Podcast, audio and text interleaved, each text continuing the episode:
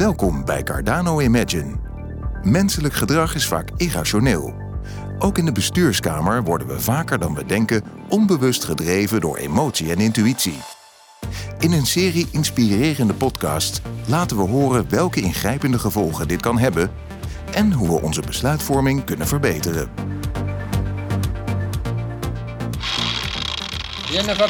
Hoe groot is de kans dat je wint aan de roulette tafel? Bij kop of munt? Hoe schat je je kansen in dat je binnenkort kunt indexeren? Welke factoren neem je mee in je overwegingen om portfolio's samen te stellen? Financiële professionals zullen de manier waarop zij hun werk doen niet snel vergelijken met een gokje in het casino. Zij gaan immers wel overwogen te werk, calculeren de risico's, gebruiken modellen om kansen te berekenen. Kansdenken gebaseerd op statistische modellen is de afgelopen decennia bijna synoniem geworden voor gedegen beleggingsbeleid. Opnieuw grote onzekerheid in de Amerikaanse financiële wereld als gevolg van de kredietcrisis. De traditionele zakenbank Lehman Brothers biedt zichzelf te koop aan omdat de problemen zo groot zijn dat de bank er niet meer uitkomt. Goedenavond. Het kon eigenlijk niet gebeuren, zei iedereen. Maar het gebeurt toch? Gigantische Amerikaanse banken worden in één klap van de kaart geveegd. Lehman Brothers, een van de oudste en meest gerenommeerde banken van Wall Street, is failliet. De kredietcrisis. In de modellen was de kans daarop berekend als vrijwel onmogelijk. En toen kwam 2008. Maar desondanks is er geen wake-up call gebleken.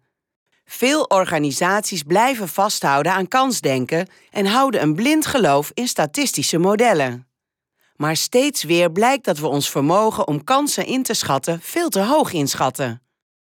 Het is belangrijk dat we ons dat als institutionele beleggers en bestuurders realiseren wanneer we onze beleggingsstrategie ontwikkelen en uitvoeren.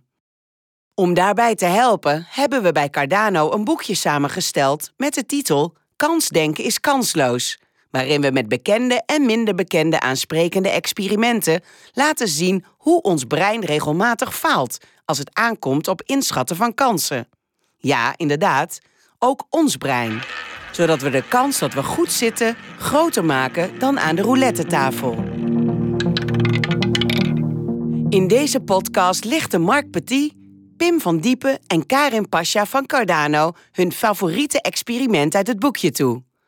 Voor Karin, lid van het tradingteam, is het experiment met de letter K veelzeggend.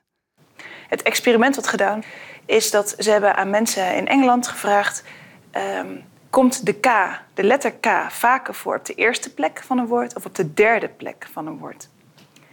En niet verrassend zeggen de meeste mensen op de eerste plek. Um, maar dat is niet zo. Het komt veel vaker voor op de derde plek.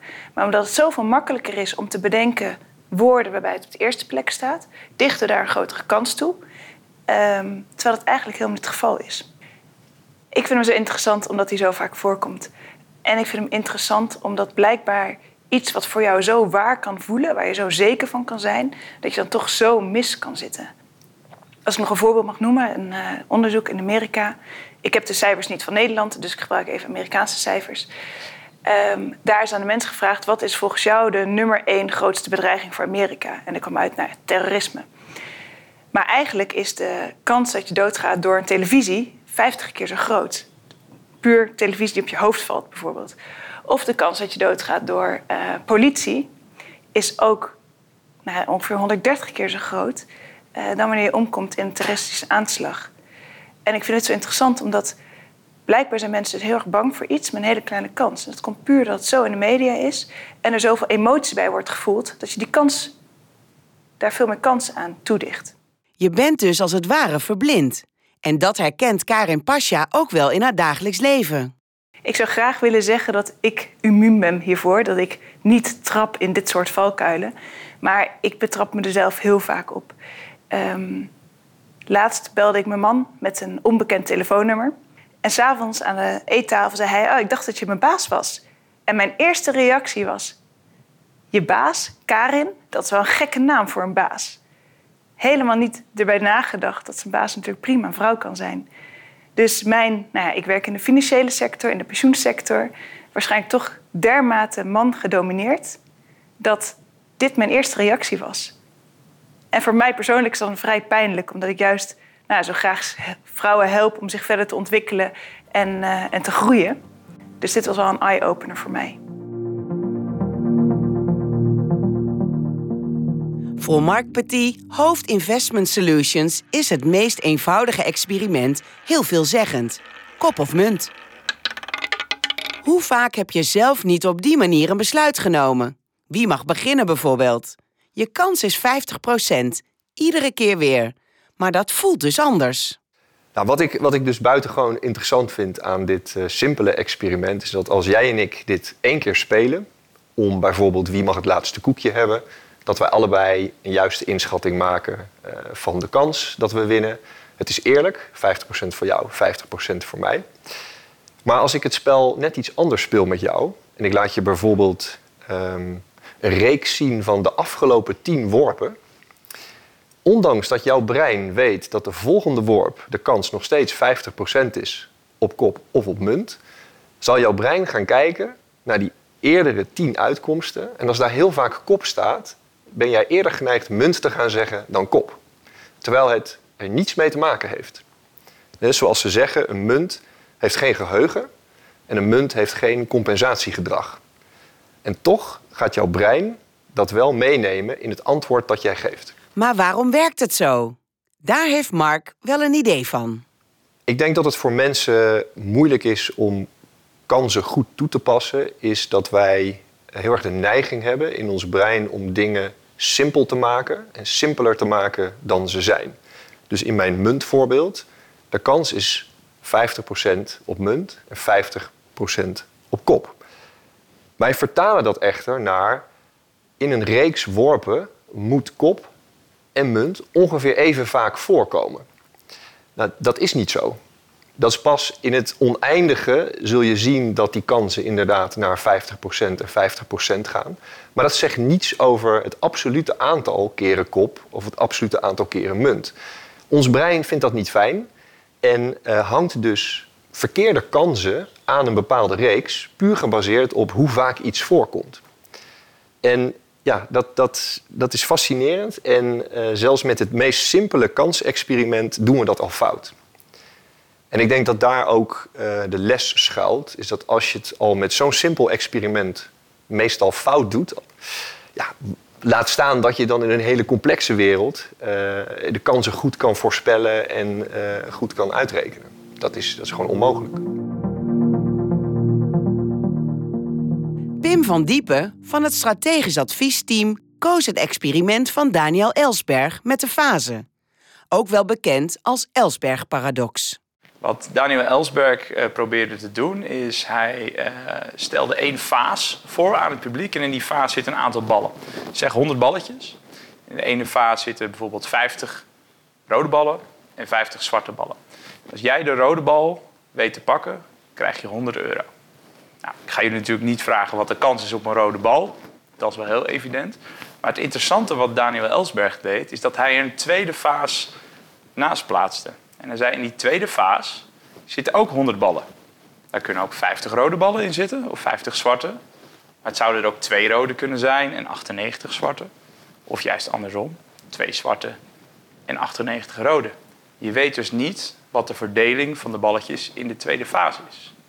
De interessante vraag van Daniel Ellsberg was, de vraag die ik aan jullie zou stellen. Welke vaas kies je dan? Ja, welke vaas? Het antwoord blijkt verrassend eenvoudig. Dat wil zeggen, wij mensen zijn verrassend voorspelbaar. Nu, het interessante van dit experiment is dat bijna alle mensen de eerste vaas kiezen. Terwijl het qua kansverdeling eigenlijk helemaal niet zoveel uitmaakt natuurlijk of je de eerste of die tweede fase krijgt. En het interessante is dan om te beseffen, wat gebeurt er nu eigenlijk? Ehm, en eigenlijk is het iets heel gedragsmatig wat er gebeurt. Mensen hebben een enorme behoefte aan controle. De controle is namelijk dat we van de eerste fase de kansverdeling kennen en van de tweede fase kennen we hem niet. Maar de kans op het winnen van de 100 euro is eigenlijk gelijk. Wat nog interessanter is, als ik kijk naar mijn werkveld, het adviseren van bijvoorbeeld pensioenfondsen of andere institutionele beleggers, is dat we de meest grote, de meest belangrijke strategische beslissingen maken we vaak met behulp van allerlei modellen waarin we simulaties gebruiken. Als we simulaties gebruiken, dan maken we die simulaties voor bijvoorbeeld rentes, voor inflaties, voor aandelen. En bij simulatietechnieken moeten we altijd veronderstellen dat we de kansverdeling weten. Dus we doen altijd alsof we uit fase 1 trekken. En dat is heel interessant, want de echte vraag is: weten wij de kansverdeling wel van rente, inflatie of aandelen? Oftewel, je kunt deze experimenten linea recta doorvertalen naar de dagelijkse gang van zaken.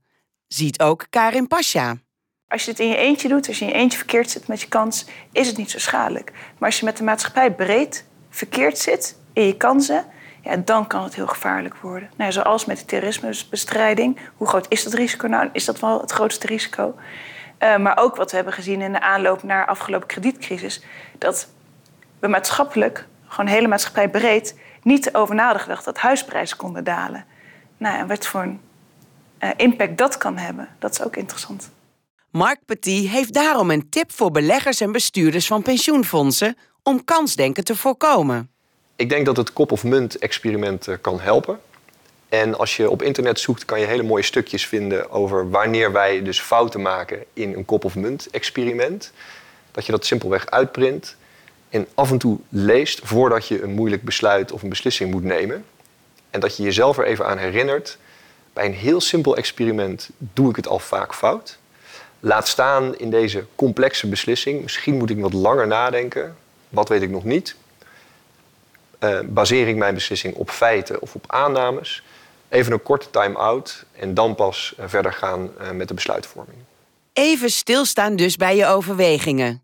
Ook Pim van Diepen vindt dat van groot belang voor de pensioensector. Als je dus met een, met een product zoals pensioen werkt, dat het eigenlijk gaat om inkomen voor later voor heel veel mensen. En je bent daar verantwoordelijk voor het maken van grote beslissingen als bestuurder of, of, als iemand in een beleggingscommissie of als adviseur. heb je ook een belangrijke verantwoordelijkheid om goed advies te geven. Dan is het denk ik heel belangrijk om wat vaker stil te staan bij... hey, we maken hier een beslissing onder onzekerheid. Weet ik de kansen of kan ik ze redelijk goed inschatten? Of hebben we eigenlijk helemaal geen idee? Of kunnen we ze helemaal niet goed inschatten, die kans? Om een voorbeeld te geven, sterftekansen bijvoorbeeld, kun je redelijk goed inschatten. Niet perfect, niet exact, maar ik kan op basis van al die waarnemingen over de Nederlandse bevolking en in mijn pensioenfonds best goed inschatten hoeveel mensen zullen er naar verwachting binnen mijn deelnemersgroep komend jaar overlijden. Misschien zit ik een beetje mis, maar ik kan het echt wel goed inschatten. En dat betekent ook dat ik de schade redelijk goed kan inschatten. Dat ik kan overwegen om dat te gaan herverzekeren. En dat ik de offerte met de herverzekeringspremie, het bedrag dat ik daarin staat, kan inschatten of dat een redelijk bedrag is, of dat het veel te duur eh, of juist goedkoop is. We hebben het over een hele andere beslissing, bijvoorbeeld hoeveel renterisico moet ik afdekken. Dan moet ik eigenlijk tegen mezelf zeggen: ik kan helemaal geen kans inschatten of die rente volgend jaar hoger staat, gelijk blijft of lager is. En als ik die kans niet kan inschatten, dan mag ik dus niet met fase 1 werken. Dan moet ik erkennen dat we een fase 2 situatie hebben uit het Daniel Ellsberg experiment. En dan moet je denk ik op een andere manier beslissingen gaan maken. Kansdenken is dus gevaarlijk. Nog gevaarlijker dan in het casino, waar je in ieder geval te maken hebt met omstandigheden die niet veranderen. Juist in de financiële wereld weet je nooit hoe de wind gaat waaien. Maar dat maakt het vak ook interessant en uitdagend. In deze podcast maakten we kennis met drie experimenten uit het boek Kansdenken is kansloos. Daarin staan er nog veel meer. Bovendien wordt er ingegaan op de historische ontwikkeling van het denken over kansberekening door vermaarde wetenschappers zoals de grondlegger van de econometrie Jan Tinbergen. En dat van zijn tegenpool Friedrich Hayek met zijn motto: een beleidsmaker moet niet werken als een beeldhouwer, maar als een tuinier.